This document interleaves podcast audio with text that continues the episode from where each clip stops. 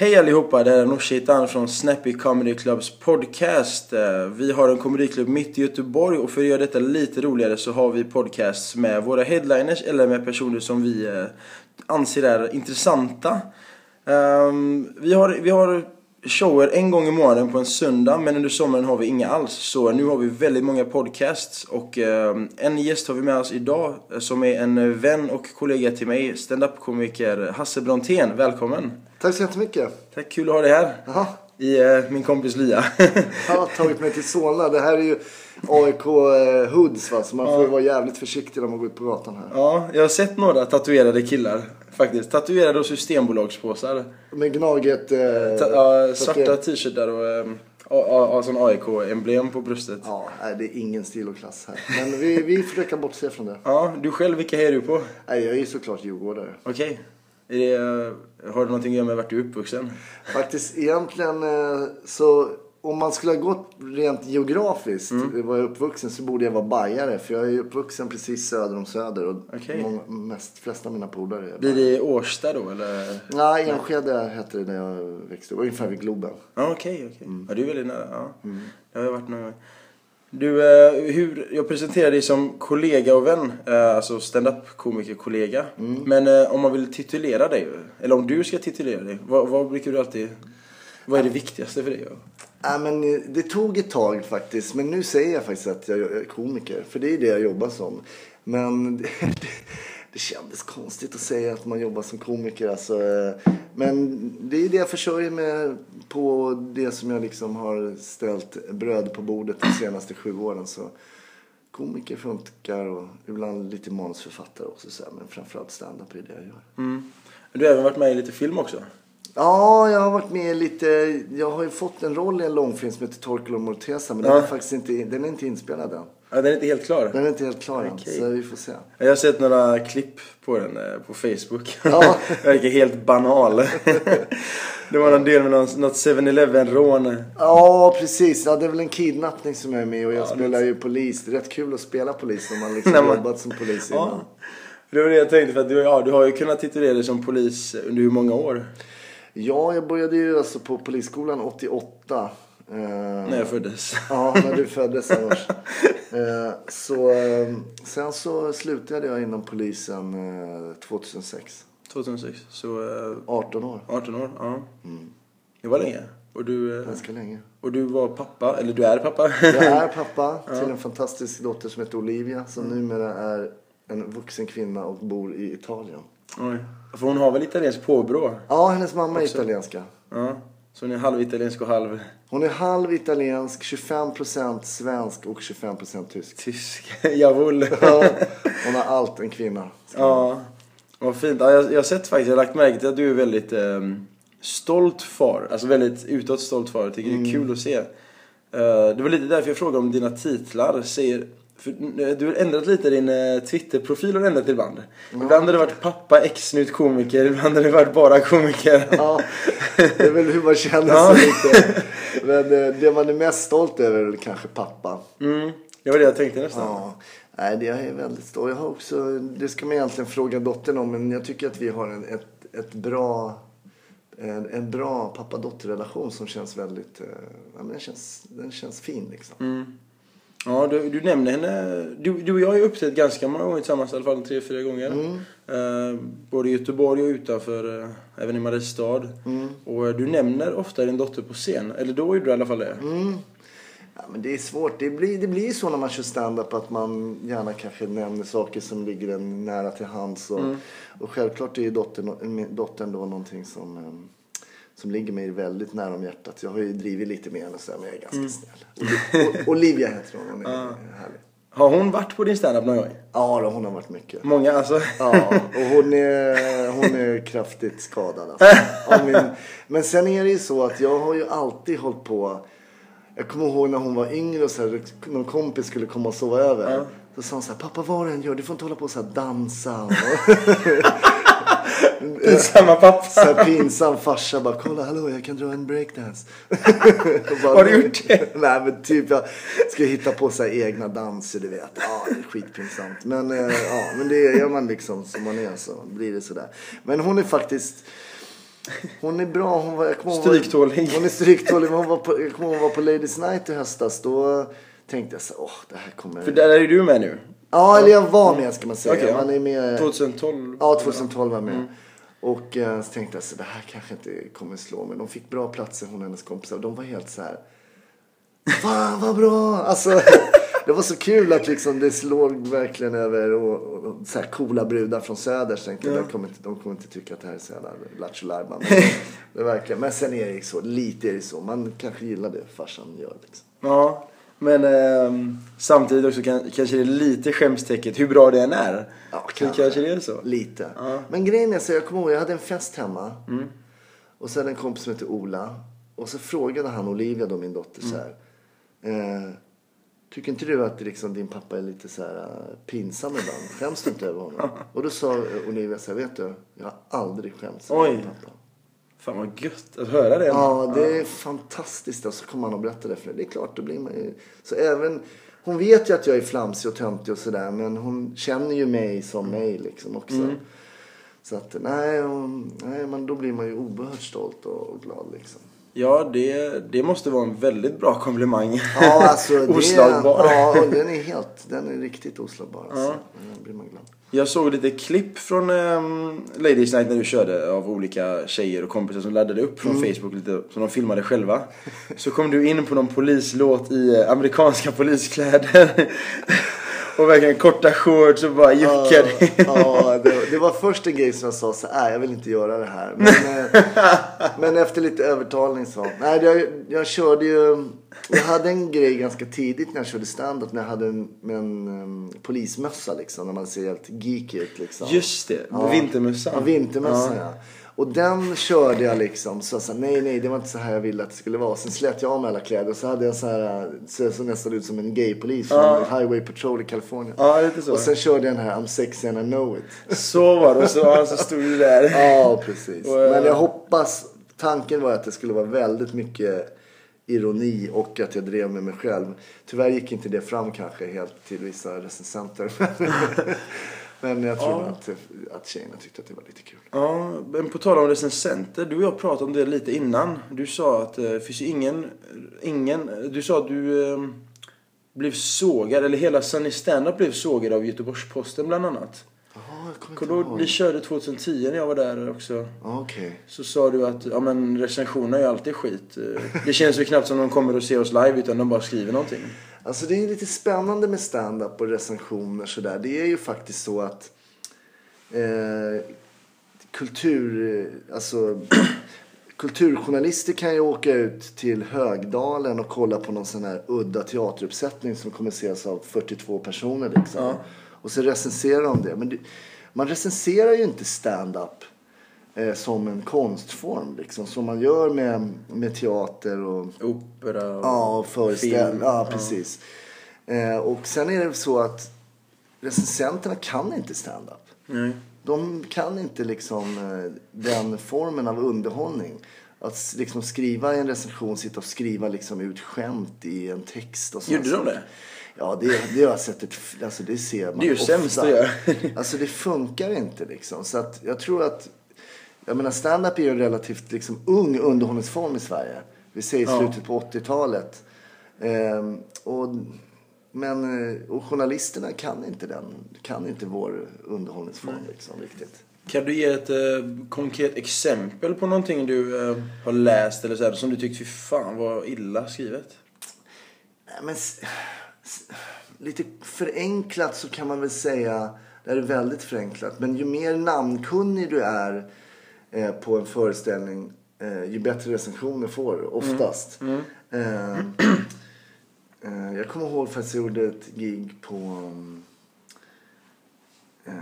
eller ett gig i alla fall. Vi var ett flertal komiker och jag när man, när man jobbar som komiker så vet man ju oftast när man har gjort ett dåligt sätt eller man har gjort ett bra sätt. Ja. Man vet när man ligger mellan mjölken också. Och där och, men man vet ju när man liksom har, har knäckt ett ställe och vet att det här gick svinbra. Och Underbar känsla. En underbar känsla och, och också att folk kommer fram efteråt. Och man, man får bra respons och feedback. Så, det stämmer. Och jag gjorde ett sånt gig och där jag tyckte att jag stack ut. Eh, Eh, och, verkligen, och så tänkte jag, åh recensent det här fasen vad bra. Nu kommer jag få en sån jävla bra recension. Det enda som stod om mig var bara så här, Hasse Brontén såg ut att ha kul. det, det var liksom inte någonting annat. Det var det enda som stod. Sen stod det, sen var det ju Vad var det för jävla betidning? Nej, jag kommer inte ihåg vad det var. Men sen var det ju då större namn som var omnämnda mycket mer. Och sen var det då någon som hade pratat om eh, lite svärta och lite sådär. Så att, ehm, Det är ganska kul faktiskt. Eh, Ta inte illa upp men det är ganska kul. ja, och sen så blir man ju...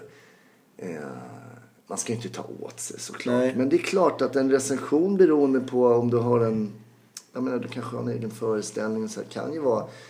Av, kan ju vara av vikt liksom. Men eh, i övrigt så skiter jag fullständigt vad folk tycker egentligen. Enskilda personer. Eh, det ska man ju göra. Jag menar egentligen är det ju.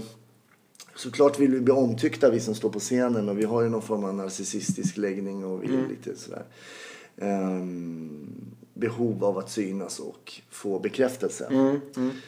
Eh, Och då vill vi gärna ha positiv feedback ju. Att någon klappar en på axeln efteråt och säger fan vad du var rolig. Ja. Och blir man ju glad.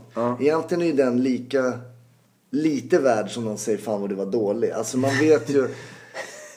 man måste ju gå på det man själv tycker är kul och jobba på det. Och är det så att man kan försörja sig som komiker så är man ju faktiskt, oavsett vad folk tycker enskilt om en, så gör man sitt jobb. ja, Liksom. då är man ändå en professionell... eh, Det är man ju. Och um, att kunna underhålla folk, hoppa upp på, en, på ett företag eller någonstans och underhålla i en 30-40 minuter. Det, är- det är inte så jävla lätt som folk tror. Ja, det är ju en konst.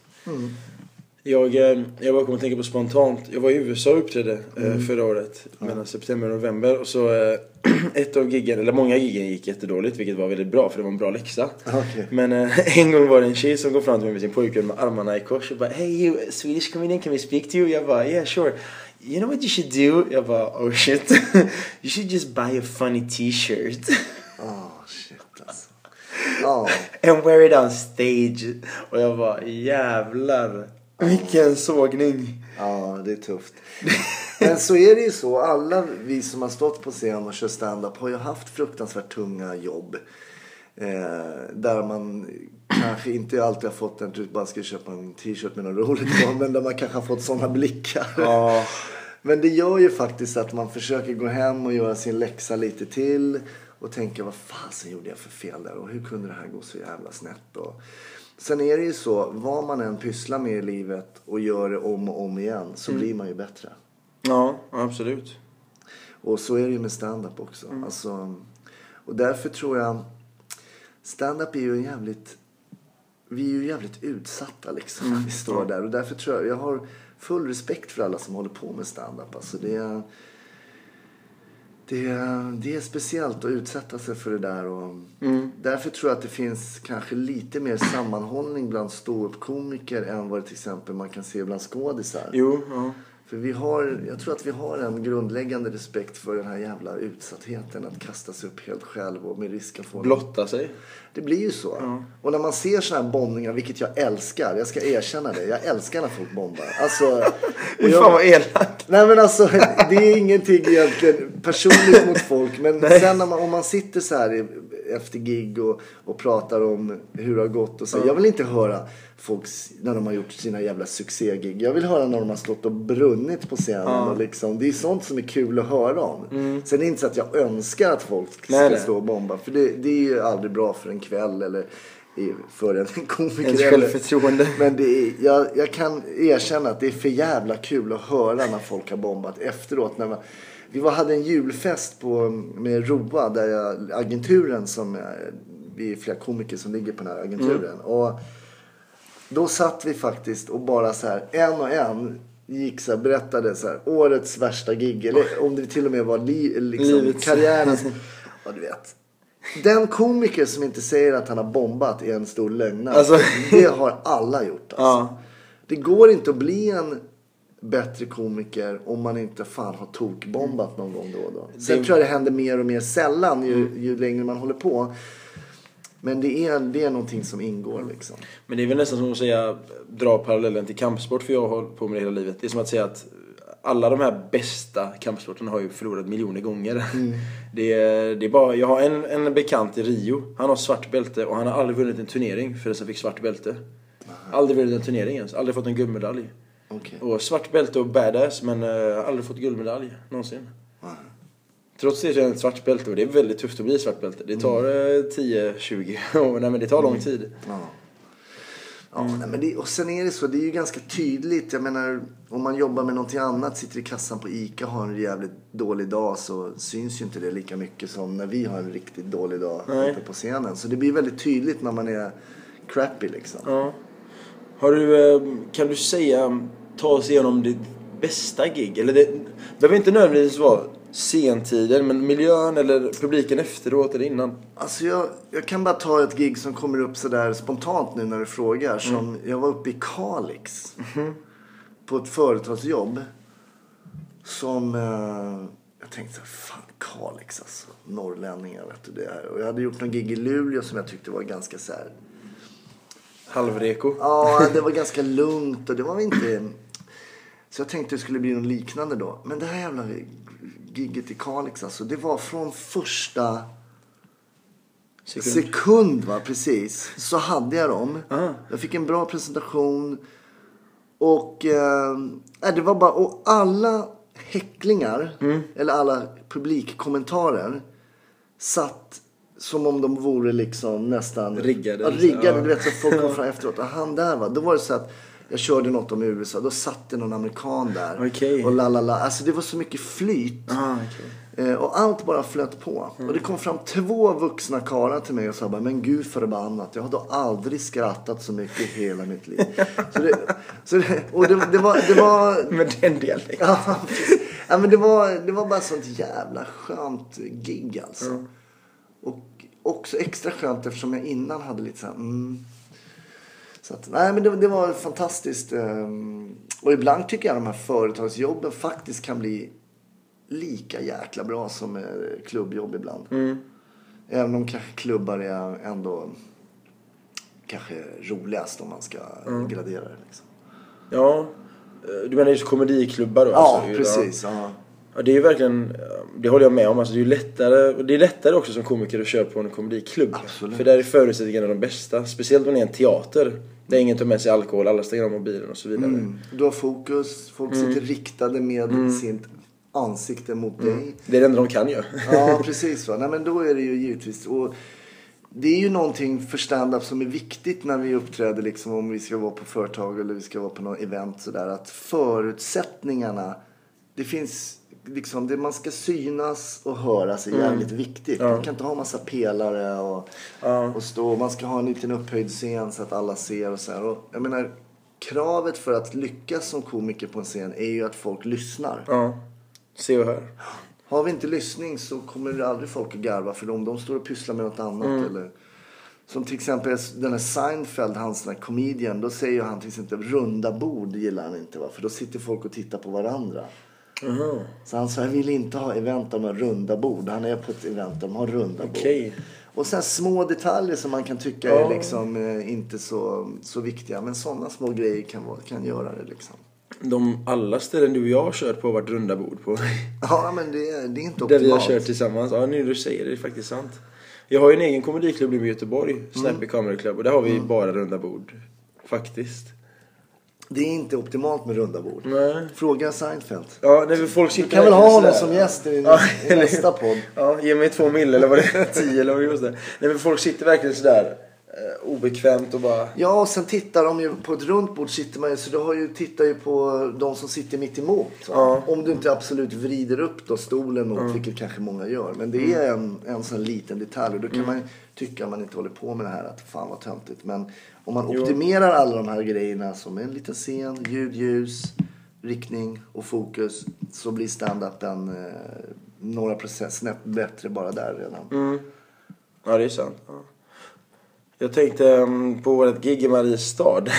Jag, varje gång jag tänker på det så kan jag få riktigt jävla alltså, sjuka garvisar. Jaså? Kan du komma på varför? Ja men var det inte någon häcklare, någon, eh, var det inte någon Jo.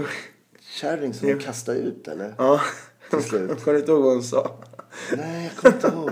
Jag kommer inte ihåg vad han sa. var, eh, det var precis, jag hade kört och en annan hade kört och så stod någon annan uppe på scen och så skulle du precis gå upp på scen och så hade hon jävlas med alla. Eh, inte mig för hon kom efter mig efter jag hade kört. Så hon, hon, hon, bara, hon såg ut som eh, en Ann Westin fast utan att vara trevlig. Ja, okej. Så, eh, men hon var bara så här, bara skrek. Och så sa du bara "Ah, okej, sh, jätte, jätte, tack att du är här. Tack. Du så här, verkligen försökte dämpa henne för vi stod bakom en halv vägg. Ja, just Och så skrek, så började hon kasta sin öl. Ja, Hon började kasta sin öl och så skrek hon Du har så jävla stor kukasse! Kommer du inte ihåg det? det borde jag ha kommit ihåg. Minns du inte Det det? första gången en kvinna sagt det till mig. Jag borde ha kommit ihåg det. Du minns inte det? Ja, nu när du säger det så, så kommer jag ihåg det. Men jag hade inte kommit på det innan. Jag kommer ihåg de där på Mariestads stadshus eller vad det var. De bara, men vad fan käften. Så fick de lyfta ut och dra ut henne. Ja, och så kastade hon sin öl och bara "Äh." Just det, det kommer jag ihåg faktiskt. Åh jäklar. Det var, jag kommer jag var på ett annat gig när det var en... Så visade hon ro- här rockfingrarna till dig. Aha. Så gjorde du tillbaka. Fast du, du, du skulle inte gjort det för det, det gjorde henne mer glad och taggad när hon Ah, gick okej. ut. Hon var verkligen en 20-åring i huvudet. När du Förlåt. säger Ja. Du skulle säga någonting, förlåt där. Ja. Nej men det där är också med alltså när man kör stand-up det här med häcklare. Nu hann hon inte hon bli en häcklare eftersom de kastade ut henne. Men jag var på ett gig. inte för dig där. Nej, nej precis. Det var lite tungt där för några. Men, men eh, jag var på ett gig när det var en häcklare. Som eh, en dam.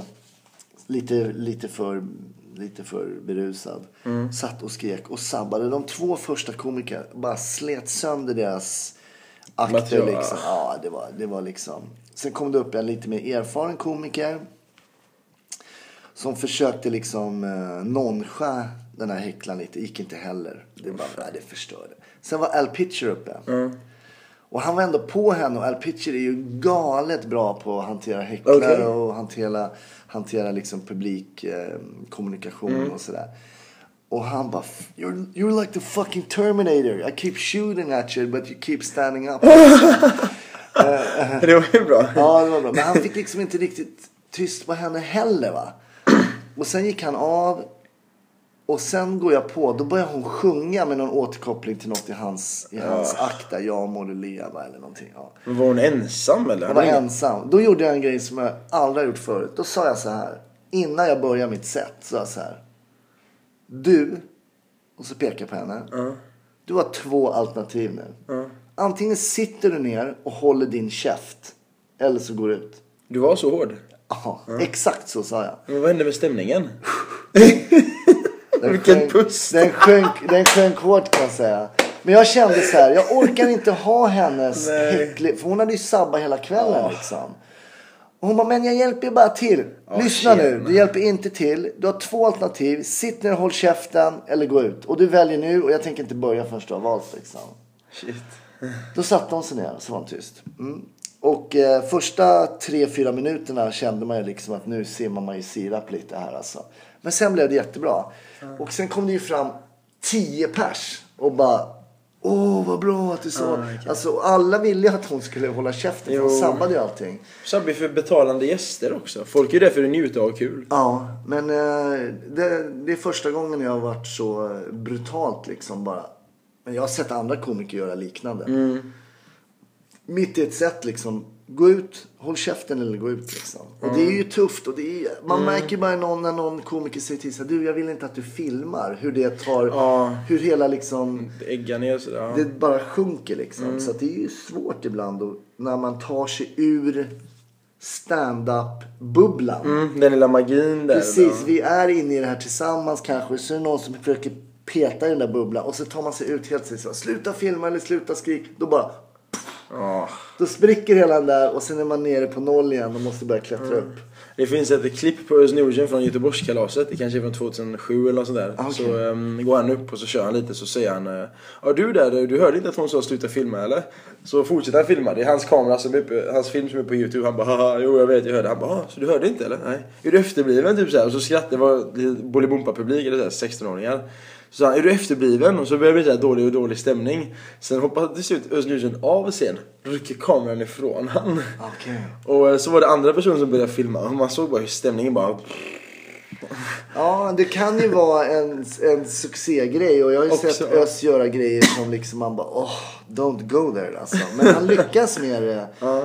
ja, oftast. För han är ju väldigt duktig på det här med publiksnacket. Och, och sen har han ju alltid det här att han har ju faktiskt en hel show som heter Dålig stämning. Så, Ja. ah, nu blev det dålig stämning och sen kan han ta det därifrån. Så att det, det, är- det är Lite hans nisch kanske? Ja, precis. Men även, jag menar, som du säger, det kan sjunka även när, när Öss gör det eller när... Mm.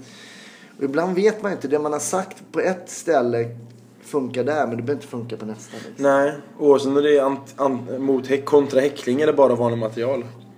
Nej, precis va. Så det, det... Jag tänkte nu på tal om häckling, har du sett serien Louis med Louis CK? Jag har inte sett serien faktiskt. Jag du inte gjort men jag älskar Louis CK. Ja, ja, han är fenomenal. Ja.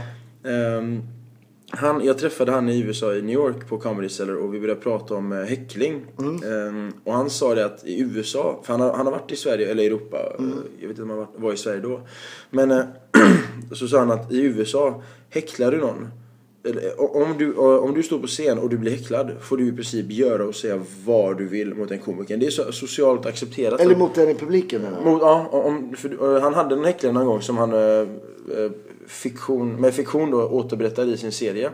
Där är det en häcklare som hon bara sitter och pratar, bara helt vanligt medan han har ett gig och så pratar hon med sin tjejkompis om något helt annat och skrattar.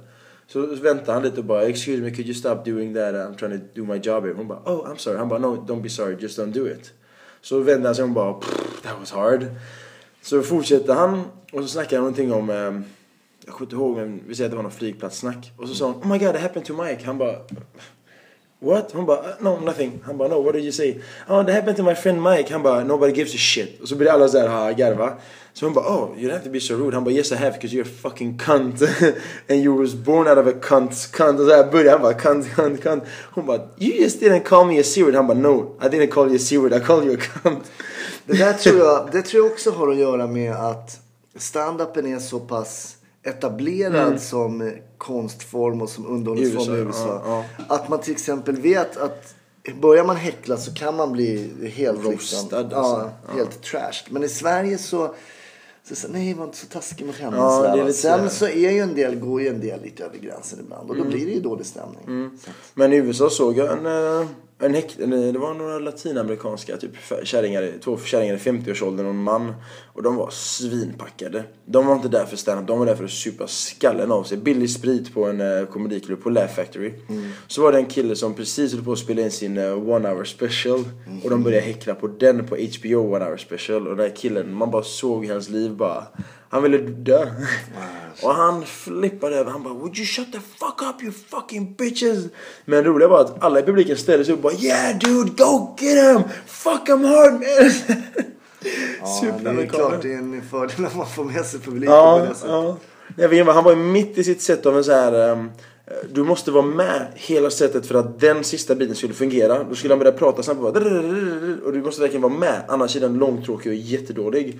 Och alla verkligen satt och dögarva, älskade den. Och så mitt i den här finishen gjorde de det. Så det var helt, han hade tagit dit kamerateam och skrivit på. Jag tyckte så synd om han. Man bara såg hur han tappade livslusten. Ja, men det är också knäckande. Man kan ju ha en rutin som man gillar och man tycker är helt rolig som kanske är en 3-4 minuter och sen fuckar någon upp den Mm. efter typ 30 sekunder. Det är ingen idé att fortsätta. Du måste stryka den direkt. Jag var på eh, Big Ben och Mafia igår. Jag hann köra på båda. Eh, Så körde jag först på Big Ben. Allt gick skitbra. Allt gick jättebra. Det var, jag var jätteglad. Sen körde jag samma på, eh, på Mafia och totalt bombade samma material. Det är intressant alltså. Jätteintressant men Eh, jag säger inte att det inte var mitt fel men mycket av det var för att vi hade en norsk häcklare som gick runt och han satte sig på folks flickvänner. Han drog i folks bärs. Pratade. Norge! Så här, har jag några vänner här? Han var skitjobbig. Mm. Och, ehm, och vad jag, hade gjort innan, ehm, innan jag gick upp på scen så var han också sån. Så sa jag, håller du inte käften? För han höll på jättelänge. Och jag sa det till honom som- publik, jag bara, håll käften, håll käften. Så lyssnade han inte. Så till slut så började han dra i folk och i komikerna och bara dra i kläderna. Så jag tog tag i hans krage, jag bara, håll inte käften så stryper jag ut dig. Men då var det mitt emellan eh, en paus, en konstpaus för den komikern. Så jag hördes jättemycket. Mhm. Så alla började garva, de trodde det var något halvskoj bara. Och han norrmannen bara gap och bara, lite som hon kärringen i Mariestad började kasta sin öl och så kastade, kastade de ut han. Eh, Så blev det en kul grej av det, men sen skulle jag upp på scen. De visste att jag var komiker, så skulle jag upp på scen. Då var det bara så ah shit den där killen är ju nästan dum i huvudet. för Han ville strypa ut folk i publiken. Sen tror jag att det, kan, att det oftare blir lite stökigt på gratisställen. okej. Än det blir, för jag menar, om så fan folk har betalat 20 spänn så ja jag har betalat en 20, nu ska jag kolla på det här. Kommer man in gratis och sitter och dricker bärs och säger, äh fan jag ändå inte betalat för det här liksom. Och så kommer det upp någon komiker som ingen vet vem det är. Och no offense mot det, men de kan vara hur roliga som helst. Men när folk inte har betalat något så... Så därför kan jag tycka ibland att det kan vara fördel att liksom folk om de kommer, ja men fan lägg 40 spänn då eller någonting. För att då vill man i alla fall se stand-up liksom. Lå- Det låter lite som eh, kundvagnsprincipen. eh, Om du minns den. Förut var ju kundvagnar gratis och så dumpar folk dem överallt. I åar, bredvid bilen. Men så fort du bara en femma eller tia, vilket absolut inte är mycket pengar. Det är inte ens en liter bensin. Så lämnar folk tillbaka Nej sen. men precis, det är lite så är det va. Och har man betalt för något så vill man liksom på något sätt få valuta för pengarna. Ja, det är ju ett känt begrepp. Ja, Absolut. så. Jag tänkte ehm, eh, lite gå över till det här med att du har arbetat som polis. Eh, du sa att du började skolan 88. Du var klar 91. Eller? Ja, ja, det stämmer. Och eh, du fick barn i samma veva som du blev klar. Innan eller efter? Nej, precis. Eh, Jag blev klar 91 och fick min dotter fick vi 91 också. Mm. Och där, eh, på tal om tuffa jobb. Det, jag har ju aldrig varit polis. Det närmaste jag kommit polis är kriminalvården. Att jobbat där liksom, som frivårdare. Men eh, att vara polis. Jag känner ju många poliser som är väldigt nära vänner. Och eh, vi kan ju sitta och grilla och umgås och så vidare och alltid ringa varandra. Men ibland kan man inte ringa dem för de mår jävligt dåligt för vissa grejer har hänt på jobbet. Det kan vara allt från eh, prostitution, pedofili. Det är ju det är ju inte, ni är inte bara människor som går runt i stan och hälsar på folk utan Nej. ni ser grejer som eh, Så är det. ingen egentligen förtjänar att se. Nej, så är det. Och det är så. Vill man börja jobba som polis så måste man då får man nog utgå från att man kommer se väldigt mycket som man faktiskt inte vill se. Och det är, så har det ju varit med mig också. Jag menar, det är, jag var ju 15 år ute liksom som polis. Radiopolis alltså? Ja, jag jobbade ju mest civilt egentligen med narkotika. Men eh, jag har ju varit ute i uniform och jag har gjort lite allt möjligt liksom. Men eh, jag brukar säga så har du sett, vad har du sett? Nej, men jag har sett typ allt, du kan tänka dig som en polis kan se. Allt från folk som mår bra och man hjälper dem med någon liten mindre grej till att folk som har blivit överkörda av tunnelbanan och hittat, eh, du vet, folk med kanylen i armen som är avlidna. Och du vet, nej men jag, jag har gjort allt. Skjutningar och... Alltså du har, du har använt din pistol? Alltså det, det, det är ju... Det har jag gjort, men inte att jag har inte skjutit någon. Nej. Har du försökt skjuta någon och missat? det kan hända. Nej, men däremot så har jag varit med när vi har skjutit en person. När min kollega sköt en person. Hur länge sedan var det här? Det var... För du slutade 2000... 99 var det här. Du slutade 2007 sa du? 2006? Ja, 2006. Så 99, el- 11 år efter du började då? Var det första gången du såg någon blev skjuten? Mm, det var det. Det var Första gången jag såg någon bli skjuten och hur liksom, jag tog hand om den här personen också som vi hade skjutit. För det är lite paradoxalt. Du måste först skjuta han och sen ta hand om han. Det är lite så här. Ja. Det är som att stå utanför gymmet och sen röka. Ja, men det, det var ju också, det här var ju en väldigt speciell händelse. Så att, ehm, Vill du berätta om det? ja, jag, har, jag har faktiskt berättat om det. Det var ju de här morden i Alexander om du känner till det. Ja, Jackar. Jackie Arklöv, ja. Det var han vi sköt och grep. Jävlar. Så att, ehm, och det var ju då så att kollegan, det var ju ett vådaskott faktiskt. Det innebär... Det innebär att det var inte meningen att han skulle skjuta honom. Det var liksom eh, ett misstag egentligen. För de sköt honom i ryggen när han låg ner. Okej. Brann den av bara? Ja, den brann av. Eh, men sen låg ju den här Jackie Arklöv då som ju var och kanske en av Sveriges mest efterspanade personer liksom. En av Sveriges nog genom tiderna farligaste män. Ja, skulle jag det kan, det kan man nog kanske. Han hade varit legosoldat i Kroatien och Mm. slitit av folks huvuden nästan. Han, eh, ja men absolut. Det var ju en riktigt farlig brottsling och det var ju Poliserna stod ju på tå liksom. Alltså verkligen var på sin vakt efter det här hade hänt och det var ju rikslarm ut. Var, var Alexander i Stockholm? Eller vart ligger det? Nej, Alexander ligger väl upp mot... eh, nej, jag ska inte säga något och säga bara fel. Men det ligger, Mm. det, det ligger inte i Stockholm. Ehm, Men de hade ju gjort ett, eh, de hade ju rånat på en annan ort först och sen så skö- sköt... En bank eller? Ja, det var bank och post tror jag, om de körde båda samtidigt. Det? Och så sköt de ju de här poliserna i Alexander då. De båda dog? Eller? Ja, de sköt två poliser med deras egna tjänstevapen. En sköt de, Med, med deras tjänstevapen? ja med polisernas tjänstevapen. Hur då? Ja, tog de från dem. De besköt ju dem först med automateld. Och sen så blev väl någon skadad. Så tror jag de gick fram helt enkelt. Tog deras Okej. tjänstevapen och bara liksom bam bam. Kände du dem? Nej, jag kände inte dem. Men det finns ju en, det finns ju en väldigt, alltså när man jobbar som polis så finns det ju något, det kallas ju för kåranda och ses ju som någonting ganska negativt om man läser i kvällspressen och sådär. Men Ja. när man jobbar som polis så är väl kåranda någonting ganska, eller väldigt positivt. Det finns en, Något heligt, alltså brödraskap Ja, men det är lite så. Man, eh, man vet att oavsett om man kanske inte gillar varandra sådär, men trycker man på röda knappen och larmar så kommer, ja, då släpper alla sina rapporthäften och så här, då är det bara det som gäller. Då hjälper vi varandra liksom. Och det var väl en sån känsla då när det här hade hänt liksom att alla poliser ville ju verkligen gripa de här som hade mördat kollegorna såklart. Mm. Eh, Och så men- ryckte det ut. Ja, vi satt ju, det var ju så att eh, man hade span på olika adresser och vi satt ju på en av de adresserna som då var ganska kalla liksom. Det var inte någon het. Och typ- på den tiden fanns det inte, alltså, så här, det var mindre, äh, mindre tekniska grejer. Det var det. Vi, vi hade ju mobiler och sådär, det hade vi ju. Men, Mm. Ehm, det var ju speciellt då efter han hade, för när han blev skjuten då så var det jag som tog hand om honom då. När han, det blödde förvånansvärt lite faktiskt. Men, Av men han chocken trodde- kanske. Ja, det är lite så. Men, ehm, nej, men han var ju helt säker på att han skulle dö. Ja. Eh, och det är man väl kanske när man är typ skjuten i ryggen. Men eh, jag tycker jag hade bra... Jag eh, behandlade honom eh, som om det var typ en polare som hade blivit skjuten. Alltså, jag sa det, Professionellt helt enkelt, eller? det tycker jag. Jag tycker det. Jag sa det, du kommer klara det här, vi löser det här, snart kommer ambulansen. Eh, du kommer inte dö liksom. Och höll, eh, försökte hålla liksom. Och jag tror att det är någonting mänskligt där, trots att han var en, en grovt kriminell person. Och, Ja, minst sagt. Så var det inget, det hade inte känts bra om jag sa jävla snutmördare. Vi visste ju inte heller och man vet ju inte heller först Nej. vad som hade hänt och sådär. Men allting pekade ju förvisso mot de Ja. här. Och sen visste man inte. Och sen var det ju länge oklart vem som hade dödat poliserna. Och han nekade väl tills fram till efter utredningen var klar. Då tror jag han medgav att han hade skjutit dem eller något sånt där. Hur gammal var han? Ja, vad var han? Han kan ju inte Var varit gammal än. knappt, Var han knappt 30 eller något sånt där? Eller, jag inte. lite gammal. Ja. För jag tänkte, man har ju läst mycket om just Jack Arklöv. Han har ändå hunnit med en del. Mm. Han måste ju börjat som, alltså sin, alltså ursäkta uttrycket, men kriminella karriär om man kallar det så.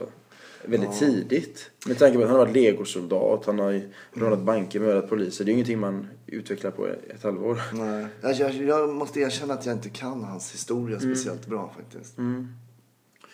Men ehm, visste du att det var Jack Arklöv du skulle till?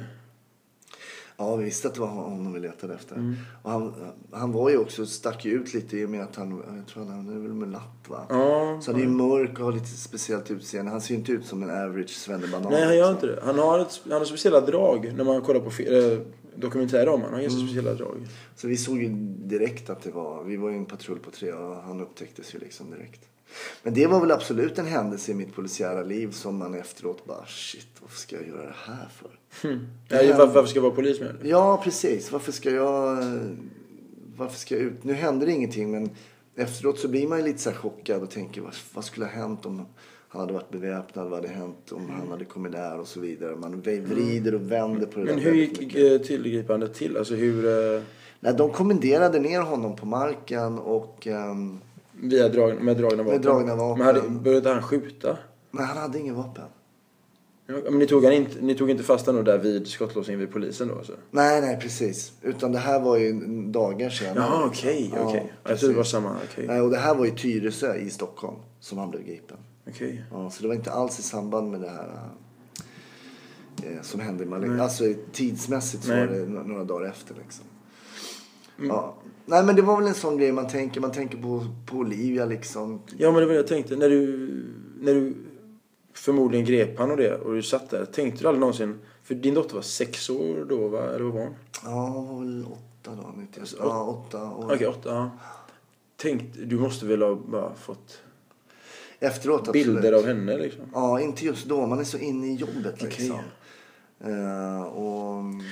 Är du inne i jobbet självmant eller blir det bara så? Är det så att du arbetar bort eh, Nej, din det familj? blir så. Och, nej, men det blir så. Det är också en sån otrolig... En sån situation trycker på så mycket adrenalin och... Men man märker ändå att man, man har jobbat ett tag och jag är, är, jag är väldigt lugn. Jag blir inte stressad så lätt. Så jag tog det där i ordning och liksom, det kom fram folk. Jag sa, hem, bad dem hämta handdukar. Så vi tryckte, eller jag tryck, Tryckte tryckte, på på, såret. såret både, både fram och bak tror jag där, med blödningen och sådär. Och snackade med honom och han ville jag skulle ta av honom, ta av mig kepsen. Han hade någon keps så jag tog av honom den, ta av mig skorna. Så det gjorde jag också. Bara egentligen för att Lugna henne? Ja, men liksom jag tänkte ska han dö och absolut vill... Och det känns Ja, lättare okej, liksom med att ta av skorna eller ta av kepsen. Så. Men sen vill han ha vatten och så. Det är så klassiskt, det vet man att man aldrig ska ge till någon som har blivit skjuten. Varför Men, då? Nej men det kan ju ringna ut helt i systemet. Alltså, det kan ju vara söndertrasat här och så ska man inte, man ska aldrig ge någon vätska om någon är skadad i buken och sådär. Det hade jag ingen aning om. Nej. Det var bra Mm. för faktiskt. För nu tänker jag bara på min olycka. Eh, när jag var 17 år, för jag var med om en el, elolycka. Mm. Första personerna som var på plats var ju poliser. Och jag ville ha vatten. Jag bara skrek snälla vatten, jag kommer Mm. dö, jag måste ha vatten. Och de vägrade ge mig vatten. De svarade inte ens på den frågan faktiskt. De gjorde allt annat. De hjälpte mig ta mig jackan och sånt. Mm. Kli, eller klippa av men eh, de vägrade ge mig vatten. Jag, ty- jag fattade aldrig varför men det var ju... Nu vet man ju det. Nej, precis. För det kan förvärra liksom, en skada om man, om man ger vätska liksom, till någon som är skadad i buken och sådär. Åh, fan. Ja. Men, ja, nej men det, absolut. Efteråt, så det, det tänker man ju på. Och också, jag stack mig på kanyler vid två tillfällen också. När jag jobbade nere på Plattan och så tänker jag, vad ska jag hålla på med det här? alltså, Men det, hände det någonting? Åkte du inte till sjukhuset då? Ja, ja, båda gångerna så får man testa sig då så att det inte har hänt För någonting. där kan du ju få allt möjligt skit i Absolut. blodet. Men hände någonting? Nej, eller? ingenting. Ja, det är tur alltså. Det var ju gamla torkade kanyler liksom. Det är värre om du kanske har färskt blod i dem. eller så här. Då kan det ju smitta och sådär. Hur eh, var det vid ett. Tullade du någon när det hände? Ja, men vi citerade... Ska man inte ha handskar? Nej, jag hade aldrig handskar. Därför jag får ingen, man får ingen feeling liksom. Du ska Nej, känna fickor och sådär. Och... Så att, eh, nej. Inga handskar. Du hade inte ens med dig handskar eller? Jo, vi hade handskar. Man hade handskar i bältet. I alla fall när man jobbade som ordningspolis i uniform. Då hade man handskar sådär. Men sen när man jobbade civilt hade jag aldrig handskar på. Jag hade ens, jag inte med mig handskar liksom. Någon, eh, alltså jag tänker ju spontant för jag har ju en del polisvänner och de, de eh, Det är lätt att göra dem glada för att de eh, Det är ju inte, det är inte direkt det mest uppskattade jobbet Nej. Kan man ju säga Även om du inte är kriminell så kan jag många gånger höra av vänner att fan men polisen vill aldrig väl och så kan jag faktiskt, måste erkänna att jag kan uttrycka mig så eh, Än idag ibland när jag ser vissa poliser tänker jag fy fan vilket rötägg Mm. Och det är såklart det finns riktigt dåliga poliser. Det är ju så. Och det är ju tråkigt. Och de drar ju ner Kåren eh, ryktet. För de flesta poliser som jag skulle hävda är helt vanliga eh, polare som man känner som är poliser. Och då säger så här, "Ja, jag har en kompis, han är schysst. Ja, men... jag, jag, jag känner väldigt få som blev poliser för att utöva makt eller få banka saker, hårda Eller- saker i huvudet på folk. Liksom. Eller för att ta på sig klänningar och vara pedofil Ja, ja det, det är rätt få faktiskt. Ja. Eh, av den sorten också som, som tur är liksom. Men kände du inte just det här med eh, konstapelklänning som man kallade det, eller vad det var, Mm. herrklänning men vad, vad, vad fan tänkte du då? För då var inte du polis? Nej. men han var däremot rektor när jag gick på polisskolan. Nej, har du haft han som rektor? Ja, ja. Själv? ja visst. Nej men alltså vad, Vad, tänkte, vad tänkte du spontant? För folk måste fråga dig som komiker, som före detta polis. Nej men man tänker bara idiot. Vad tänker man? Och sen också eh, sån dubbelgrej. Han var ju värnade ju mycket om kvinnor och Asså. jämlikhet och föreläste om det. Och sen så visade det sig att han var utnyttjade liksom. Nej men det är bara fruktansvärt. Och sen det spelar ingen roll. Jag menar de här människorna. Som, alltså om vi pratar pedofiler. De finns ju överallt. Och de finns i alla samhällsskikt. Och de finns, och det är klart att de finns även inom poliskåren. Eh, Men det blir ju så jävla fel när de som ska skydda oss Ja. Är de som är eh, brottsutövarna. va? Så det, det blir ju väldigt, väldigt fel och det drar ju liksom ett, ett dåligt rykte över alla andra då. Mm. Men jag tycker vi, alltså, tittar man på det och när man säger att någonting är dåligt så måste man ju ofta relatera det till någonting. Man säger det är dåligt, ja men vad, vad jämför vi med? Och tittar man överlag, alltså internationellt på poliskårer så har vi i Sverige en välutbildad poliskår som dagligen gör tusentals ingripanden som det aldrig står om därför Nej. att de görs schysst och bra och sådär. Men sen när det kommer upp sådana här grejer då med, jag reagerade till exempel på Husby och sånt där som alla gjorde. Men jag ser ju allting också, också ur en polisiär synvinkel. Eftersom Ja, jag har ja. varit i sådana situationer. Jag var nere i Göteborg på kravallerna där. Så det var det? I och för sig jobbade jag inte liksom alls i frontlinjen. Nej. Men eh, jag jobbade civilt då. Men eh, Tog kort och sånt eller? Ja, jag jobb, precis. Jobbade på span, spaningsroten där då. Men, ehm, och allt det här. Det, det, folk passar på. Jag menar visst, det kanske var poliser som skrek. De skrek, sa det att de skrek bara rasistiska grejer. Och Till poli- polisen? Nej, poliserna skrek det. Okej, ja. Men det var väldigt mycket filmer uppe, men jag såg aldrig. Och det kom, var väldigt lite som filmades. Det var mycket ungdomar som filmade när det här hände. Men det, jag hör liksom aldrig det här, men jag vet inte. Och det är säkerligen kanske någon som har skrikit någonting. Så var det någon polis som så här det där fula skottet mot den här Rickard eller vad han hette? Kommer du ihåg det? I Göteborg, eller? Ja. Han gick emot och sen eh, gick emot killen som kastade sten. Men stenarna var inte ens i närheten. Och så visade han 'fuck you' den här Rickard då. Så gick polisen emot honom så slutade han kasta sten. Så när polisen gick tillbaka så sköt han sådär. Okej, Alltså, i, n- när han inte ens gick emot honom så sköt han och träffade han ryggraden. Nej, jag vet inte. Alltså, det alltså poliser har gjort dåliga grejer och Mm. har gjort eh, jävligt dumma saker. Men poliser gör också ganska bra grejer. Jo, och, det, absolut. och det är aldrig egentligen någon som nämner. För Nej. det är ointressant. Ja. Det är lite som när eh, komiker pratar om bra gig. Det vill man inte höra. Jag vill höra när du bombar en jävel. Det är en sån lite, kanske lite skadeglädje. Ja, men sen folk överdriver ju. Alltså, jag har ju varit med om när folk har berättat om händelser när jag själv har varit på plats. Och så, så bara, men vänta, det är inte så. Sen, Aha. Oj. Men jag, var, jag var på någon middag när jag jobbade som polis och så jobbade jag på gatulangningsgruppen hette vi jobbar med gatulangning. Och då Vad- det? Gatulangningsgruppen, man jobbar med gatulangning Okej. på gatan. Så.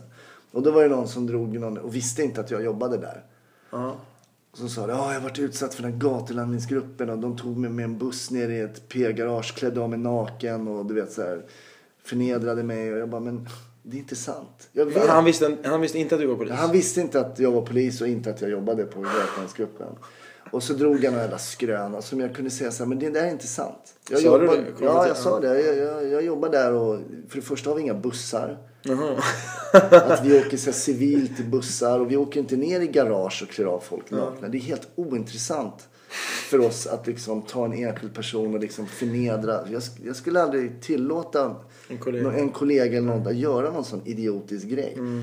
Och sen tror jag också att det är väldigt få poliser som vill bli av med jobbet för att de ska Machogrejer. ja, typ. göra någon. Men, men självklart finns det korkade poliser. Och det, det, och det finns väl ingen, inga andra än poliser som vill att de ska bort. Mm. För jag menar, varför ska vi ha massa korkade poliser som springer där ute? Det är ingen som vill ha. Inte Nej. poliserna heller. Så vad var egentligen... Jobbade du på Säpo också eller? Ja, jag jobbade på Säpo på spaningsroten i fyra år. Det var skittråkigt. Varför då? Nej, men det var...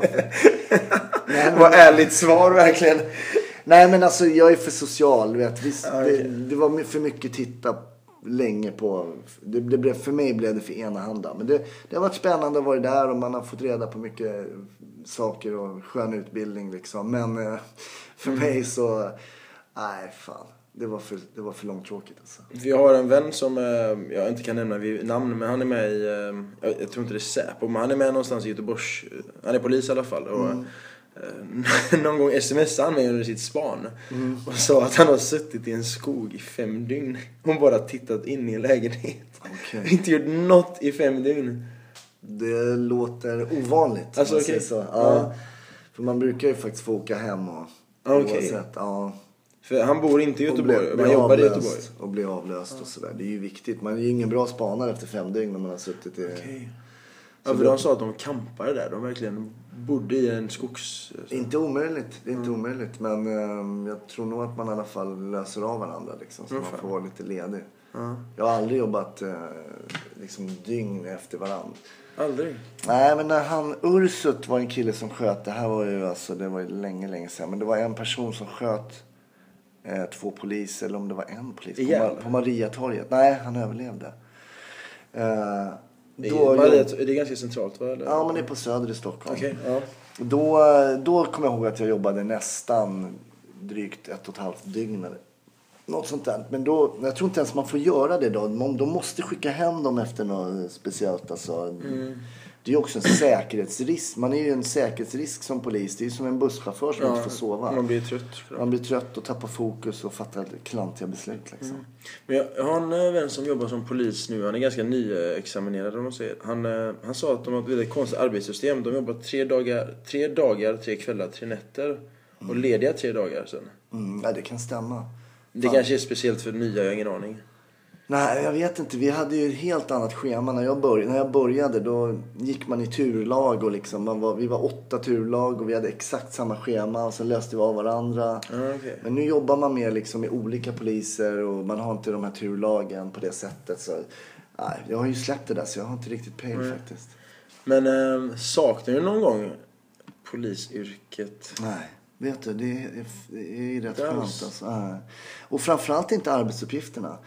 För att ehm, det är ju mycket eh, saker som vi var inne på förut. Man ser mycket grejer som man inte vill se Mm. och man träffar mycket idioter om man får uttrycka sig på det sättet. Folk som är fulla, påverkade, vill göra andra illa, har gjort andra illa, beter sig jävligt dåligt. Eh, och som komiker träffar man ju oftast glada människor. så att, eh, men däremot kan jag faktiskt sakna mina kollegor lite. Att ha, man har ju inte det. Jag menar, man tog eh, paus och så lirade man innebandy liksom en timme. Mm. Och eh, man var tränat tillsammans. Och, Umgicks helt enkelt. ja, helt Nära enkelt. vänner. Mm. Nu som komiker kuskar man mycket själv. Man åker upp själv till Luleå, ja, Kalix. Kalix. Jag var i Karlskoga förra veckan. Man, Eller USA. ja, men precis. du har ju kört i USA. Ja, jag har faktiskt bara kört en gång i USA. Men sen så, Ett gig bara. Ett gig, ja. Och eh, sen så har jag eh, kört lite på engelska har jag gjort då. I Sverige. Mm. För, Det har varit företagsevent Okej. eh, på engelska. och så. Men jag tycker, det är, jag tycker det är ganska svårt faktiskt om jag ska vara ärlig. Men just engelska med det? Ja, att få in liksom, jag tror man måste uppträda, eller jag, jag kan bara prata för mig själv. Jag skulle nog behöva uppträda en 10-20 gånger för att få in någon form av flow. Mm. I lingvistiken eller? Absolut, eh, precis i språket och um, hitta liksom orden. Och, för när man bara kör en gång sådär så är det jäkligt svårt att hitta det här sköna flowet liksom. Mm. Jag, jag tänkte bara en sak med, om man är tillbaka till polis lite. Um, för våran gemensamma nya vän nu, Martin Melin, berättade att han en gång fick... Um, det var när killen skulle gripas, så gick den här killen iväg. Så tog han tag i han och sa att nu, nu, nu är du gripen. Så vände den här killen sig och gav honom en backhand smäll rakt i ansiktet. Så Martin höll på att svimma. Nästan, nästan en hel knockout. Har det någonsin hänt dig att du har hamnat i en sån fistfight? Eh, det har hänt och nu när du nämner det där så min kompis eh, som jag jobbade med på Norrmalm. Han fick en sån eh, backhand fist och svimmade. Eh, uppe på arresten på Norrmalmspolisen. Jag bara, Ah, okej. Så vi skulle visitera honom så han bara vän och drar den där mitt, mitt i tinningen på min kollega. Så han bara stöp alltså som en jävlar. cage fight liksom. eh, och det var ju lite, det är ju lite obehagligt. Men jag Såg varit- du det? Ja, ja, jag satt eh, en och en halv meter ifrån och satt och skrev skrivmaskin skrev jag. Då vet man att det inte var igår alltså. Inte efter millennieskiftet. Men flög du upp i stolen då? Ja, ja visst. Och det är ju osmart att börja vålda på en polis inne på en polisarrest. Du är övermannad Ja, på... u- ute är väl en grej men man ska, jag, jag berättigar inte men det, ute är väl lite lättare kanske. Det kan man säga. Det är lite lättare. Polisstation. Nej men jag har varit i slagsmål. Jag hatar ju slåss alltså. Men det är klart det är oundvikligt. Det är oundvikligt. Och jag har varit i slagsmål med killar som har varit betydligt starkare än mig. Och man tänker, jaha nu. Och sen Död. ja, ja, jag åkt på stryk också. Fan. Men ni är aldrig ensamma heller? Ni kör ju två mot en oftast. Oftast kör vi ju, ja precis. Eller sex mot en ibland. Ja då, så många som det krävs. Och det kan se för jäkla illa ut ibland när poliser eh, ska gripa någon. Men då Men det ska är nog också veta... för att folk inte har varit i sån situation kanske. Precis. Ja. Det är liksom, jag kommer ihåg, man har ju varit alltså så tre man på en det är knappt som man, så att det går. Mm. Om en vuxen stark man gör allt för att undkomma så är, och, och, och att man ska göra det så lindrigt som möjligt så är det ganska svårt. Visst, man kan ju börja bara banka med batonger och sånt där. Mm. Får man göra det? Nej, du ska ju använda så lite våld som, Okej, som krävs för att liksom lösa situationen. Räknas, vilket räknas som mest våld? Pepparspray eller batong? Eh, För man kan väl inte bli blind av pepparspray eller? nej, nej, för tusan. okej. Men eh, jag undrar om, om inte... Um, undrar om inte pepparspray ans- eh, Jag vet inte. Mm. Däremot så är handfängsel mer våldsanvändning än batong. Jaha. Ja, för, för, Därför att man hindrar någons frihet liksom. Ah, Okej. Så att, eh, ja, det, finns, det finns graderingar på allt det där och sen sitter ju alltid någon klok eh, jurist efteråt och säger så här. "Nej, Som aldrig har varit med. Ja, precis. Säger så här, "Nej, men du använder för mycket våld eller du använder för lite våld. Liksom, så. Men eh, jag tänker spontant på ett YouTube-klipp från Lövgärdet i Angered. När två poliser försöker gripa en riktigt påverkad kille. Har du sett det? Nej, jag har inte sett. Det är jättepinsamt faktiskt. Det är två poliser som eh, försöker få ner en kille och han går därifrån och så slåss de lite. Och de, de, fi- filmningen, mobilfilmningen började lite, in, lite efter. Okej. Ehm, och den här killen är tydligt påverkad av alkohol och kanske narkotika. Och det är en liten tjej och en tanig kille och de kan inte vara ändå över 25. Och det är Angered som är... mm, Lövgärdet är ett väldigt utsatt område där alla hänger utanför en liten kiosk och bara Ah, okej. tuggar och det, håller på med allt vad de nu gör. Alla behöver inte vara kriminella men det finns en del där kan man säga. Och eh, den här Mikael eller Martin som de eh, ropar på han i, eh, på filmen säger Martin lägg dig ner, de kommer bara slå dig. Och han boxar till slut den här polisen i ansiktet.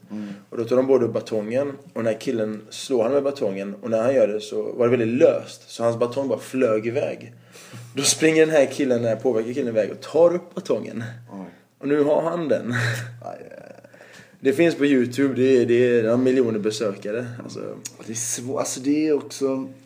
Sen är det svårt och sen kanske man kommer ut som ung polis. Man har inte slagits liksom Nej. med folk. det är en jäkla konstig situation att man ska liksom... slåss helt plötsligt. Ja. För det är precis. onaturligt. Klart det är onaturligt. Speciellt för människa 2013. Du ska ju slå, du ska slå ner någon nu. Mm, nej, jag vet. Det är jäkligt konstigt alltså. Så det är svårt. Men sen är det ju alltid, folk är ju experter på att vara poliser. Efteråt, det skulle ha gjort okej. så, det skulle ha gjort Ah, så. okej. Hur kan de göra Lite så? som komedi också faktiskt. Absolut. Folk är ju experter på komedi. Speciellt publik ibland. Ja. Nej men du ska inte tänka, du ska säga så här man bara "Ah, det finns anledning för att jag står där och får betalt och inte du. Ja, men eh, lite så är det ju faktiskt. Nej, det är speciellt med, med humor också. Det är, jag har fått någon fråga så här, men vad är kul? Men vadå vad är kul? Det är bara du som kan svara. Vad. Jag kan inte svara för dig vad som är kul. Nej. Alltså, Det är ju individuellt. det är så otroligt individuellt så att... ehm, Det finns ju vissa grejer av dina, vissa grejer av dina akter. Jag kan garva åt dem lika mycket varje gång för jag tycker, jag kommer inte på exakt vilken det var nu. nej. Men jag tycker det är lika roligt varje gång. Medan jag har hört av andra komiker, men fan den jag har hört av Hasse tio gånger. Ja. Jag, eh, vissa grejer är sådana bara. Ja. Det är individuellt. Ja, ja visst är det så. Visst är det så. Sen vissa komiker tycker man inte är lika roliga. Men det, är- så är det bara. Och vi har vår egen smak och det är helt okej. Mm. Eh, Men jag tänkte nu bara för att avrunda eh, med något positivt. Ja. Eh, vad är ditt bästa minne som polis? Ja. Har, har det kommit någon liten flicka någon gång och målat en teckning? Spontant eh, så kommer jag att tänka på en grej nu. Jag var ute på Arlanda, jobbade i uniform. Jag och en kille som heter Thomas. Vi sitter i polisbilen, en målad polisbil. Knackade på rutan. Jag kör och hon vevar ner och så är det en kvinna som säger så här. Vi bor i Frankrike, vi har varit och hälsat på vår son. Eh, och ehm, han har lämnat av oss här på Arlanda men han har kvar passen i sin bil. Så han har åkt precis. Och så jag bara okej, vad har han för bil? Och var åker han? Äh, men han åker E- E4 tillbaks in mot stan. Och så jag så här, stå kvar här. Och så drog jag blåljusen och så drog vi. Okej. Och så stoppade hans bil och han Ah, drog fram okej. körkortet. Jag sa skit i körkortet, hit med morsan och farsans pass liksom. Så fick Ah. vi deras pass, blåljus tillbaks.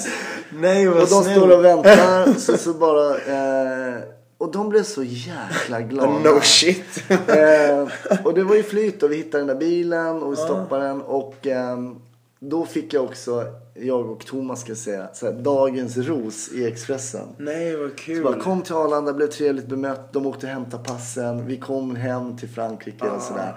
Och det, det var en sån där kul grej som jag Det kom är att som tänka man bara på. ser film nästan. Ja men typ. Va? Det var, sen har man gjort lite så här udda. Man hjälper folk som man... Alltså man vill ju hjälpa till. Mm. Det, det, så är det ju. Men det var, det, det var ett skönt minne. Dagens ros. Det vill jag jättegärna ha igen. Ja. men, men tror du att du, blev du polis för att hjälpa människor eller var du alltid de som hjälpte innan? Eller? Ja men jag har nog varit hjälpsam. Sån där, Jag är i Kökat grunden en, en snäll kille liksom. Men vilket, den är jag glad för att du delar med dig av den här Arlanda-berättelsen. Den var faktiskt väldigt mysig. Man kan inte lyssna på den utan att le. Nej men rolig, rolig ja. Och det bästa inom komedi då? Ja men det har hänt massa roligt alltså. Men vad är det så här, något så här... Har det hänt någon gång att någon liten gullig 12-årig pojke skriver till dig och bara Du är så cool alltså, high five. Jo, men man får jättesnälla mejl ibland och sådär. Och det, det blir man ju jätteglad över. Så att... ehm, nej, men det är kul om folk garvar och man kan göra dem glada. Det är ju en ynnest också att få roa folk liksom. Så att... ehm, men det händer massa roliga grejer och jag är ju en positiv själ liksom. Så att ehm, om folk om tycker att man sprider glädje så tycker jag det är jävligt kul. Ja. Men ditt favoritminne? Eh, det någon comedy- kul historia igen? Jo, men jag kan väl säga det. Jag var, säger när jag var lite halvrookie och in, jag tror fortfarande jag jobbade som polis. Så körde jag en kvart på Norra Brunn kanske. Det började få så en kvart. Och så körde jag, jag ska inte nämna någon namn och det spelar egentligen inte någon roll vem det var. Men det var en väldigt väletablerad komiker som var headliner. Och jag tror att om några komiker kanske kan känna igen sig, för det här kan hända tror jag. Eh, Så kom det fram en eh, kille till mig efteråt och sa så här, bara så du vet, men jag tyckte du var absolut roligast på hela kvällen. Eh, Och då var det rookie liksom? Sådär. Ja, och sen så den personen som uppträdde sist, det var ju så här, för det var ju Gud nästan. okej, förstår ja, du? ja, ja. Jag tänkte så här, hur kan någon överhuvudtaget tycka, alltså, jag tyckte bara det var så skön känsla. Jag kan tänka mig att, och det kommer hända alla som uppträder att man uppträder med någon som är ett större namn och så kommer någon säga så här, du var roligast. Mm. Men då har man slagit an på den personens humor och, och det har funkat. Sen kanske inte alla tyckte det som var där. Men Mm. för mig var det ett jävligt kul så här, minne ganska tidigt i karriären. Och då tänkte jag, ja men kanske om jag fortsätter med det här och gör min läxa så kan det nog gå bra. Ja. För du var ju faktiskt den första personen jag ringde. Ja, just När jag det. började med stand-up, kommer du ihåg det? Ja, via Glenn Hysén va? Ja, via Glenn Hysén. Du stod i ICA minns jag så väl. Ja, just det. Jag var Kommer ihåg det? Jag kommer ihåg det. Jag kommer ihåg det. Vi pratades vid. Du ville börja med stand-up Ja, va? ja, jag skulle upp på scen dagen efter för första gången på Just det. Gaygalan. Just det. Mm, och så frågade jag vad, vad har du varit med om? Jag var lite skygg, jag, jag pratade inte alls om min olycka då. Det var, jag gick upp med en långtröja och täckte och stod med sidan åt. Ja. Så du visste inte ens om eh, mina brännskador som jag inte pratade om alls. Men du, eh, du sa, var kommer det ifrån? Hur gammal är du? Vad har du gjort? Lite så här. Du hjälpte verkligen. Jag tror du pratade med mig i fan tre kvart verkligen och hjälpte. Mm, och jag satt ju bara, pennan bara. En gång till. Eh, vad, vad var det du sa? Nej jag vill använda de orden. Du bara, nej nej nej, använd inte mina ord. Använd dina ord. Jag bara, nej men Hasse kom igen. Det där lät så himla bra. Ja, men det är kul. Ja, men det har ringt någon lite sådär. Och kan man liksom ha tid så är fasen det är klart man... Ja. Och sen så skrev du även eh, på Facebook mycket till mig och Twitter så här. Ja, lycka till grabben och du vart eh, enligt mig den, eh, en av de snällaste. Mer, eh, du är en väldigt ryggdunkande, så här, axelklappande. Nej men jag försöker väl och jag, jag, jag, jag menar det är, det är kul när folk, eh, när det går bra för folk och Och eh, det ska ju in mer folk i branschen. Den ska ju blomstra liksom. Det kan inte vara som det var precis i början på, eller slutet på 80-talet. Då var de sju ståuppkomiker. Sen körde de. Och det är också nyttigt för branschen att ha lite competition. Även om du absolut inte får ta de jobben jag ska ha. Men eh, Ja, nej men det har verkligen varit så att man, eh, jag har verkligen uppskattat dig. Inte bara som person utan utan som stöd också. För du har varit, eh, sen, verkligen sen, sen dag, sen minus ett, dag minus ett. mm, vad bra. Så har du varit en, eh, en sån där, gav en, en lyckospark i stjärten, på stjärten. Ja, Och det är verkligen någonting, jag tror aldrig jag kommer glömma det för det är ändå kul. Mm. Och eh, det gör så mycket. Det var inte som när Björn Gustafsson ringde Peter Wahlbeck då. Har du hört den? Ja, jag har hört det. Ja, vill du berätta lite kort? Nej men ja, Björn Gustafsson ville börja med stand-up och eh, tänkte nu ska jag ringa den jag tycker är helt rolig. Så han ringde Peter Wahlbeck. Ja. Så sa han så här, så jag är rookie och ska börja liksom och köra lite stand Han bara, "Är rookie, du är min fiende! Skrek han bara så bara klickade han på. Så det var... Alla har en Wahlbeck-historia. Jajamän. Vi får ta mina någon annan gång. Ja, jag, jag uppträdde ju faktiskt med han eh, i, på, tre- i 37 olika städer man. Han tog faktiskt med mig, jättesnäll in person. Men när det var framför andra då var han lite så här. Då var han, då var han Wahlbeck igen. Ja. Ja, eh, Hasse Brontén, tack så jättemycket att du kom. Eh, tack för din tid. Det här var Mm. jättesnällt av dig att bara avbryta din vardag och eh, komma hit och prata med För mig. all del. Eh, man kan följa dig på Twitter. Ja, Ett Hasse Brontén. precis. Instagram också. Likadant. Mm. Eh, har någon Facebook-sida? Mm, ja, kan man likea min Facebook-sida. Jag försöker få över, jag har ju fullt på den här, man kan ju bara ha typ 5000. 5000. Ja. Jag försöker få över folk till en sån här ny sida som man kan likea. Så jag har fått över 1500 eller någonting. Men, så. Och vad heter den då? Är det Ja, Facebook.com? Hasse Brontén och så Slash Hasse Brontén. Ja, man märker det är den som man kan gilla. Ja, Liksom. och inte add as friend då. Nej, precis. All right. Så ehm, ni kan gå in på Twitter, Instagram, eh, Facebook, Hasse Brontén, hittar ni han. Ehm, gör det, supporta Hasse, supporta live eh, comedy överhuvudtaget. Ehm, jag har varit Anoush Shaitan, tack så jättemycket att ni har lyssnat. Ehm, finns det någon mer ni vill att vi lyssnar på eller om vi tar hit Hasse igen? Så skriv till oss på info.snappycomedyclub.se eller på Twitter, Instagram med hashtag snappycc. Vi finns även på Facebook där ni bara skriver Snappy Comedy Club. Eller så kan ni skriva till mig, ett Shaitan. Googla, Facebooka, twittra, hashtagga, gör allt ni kan.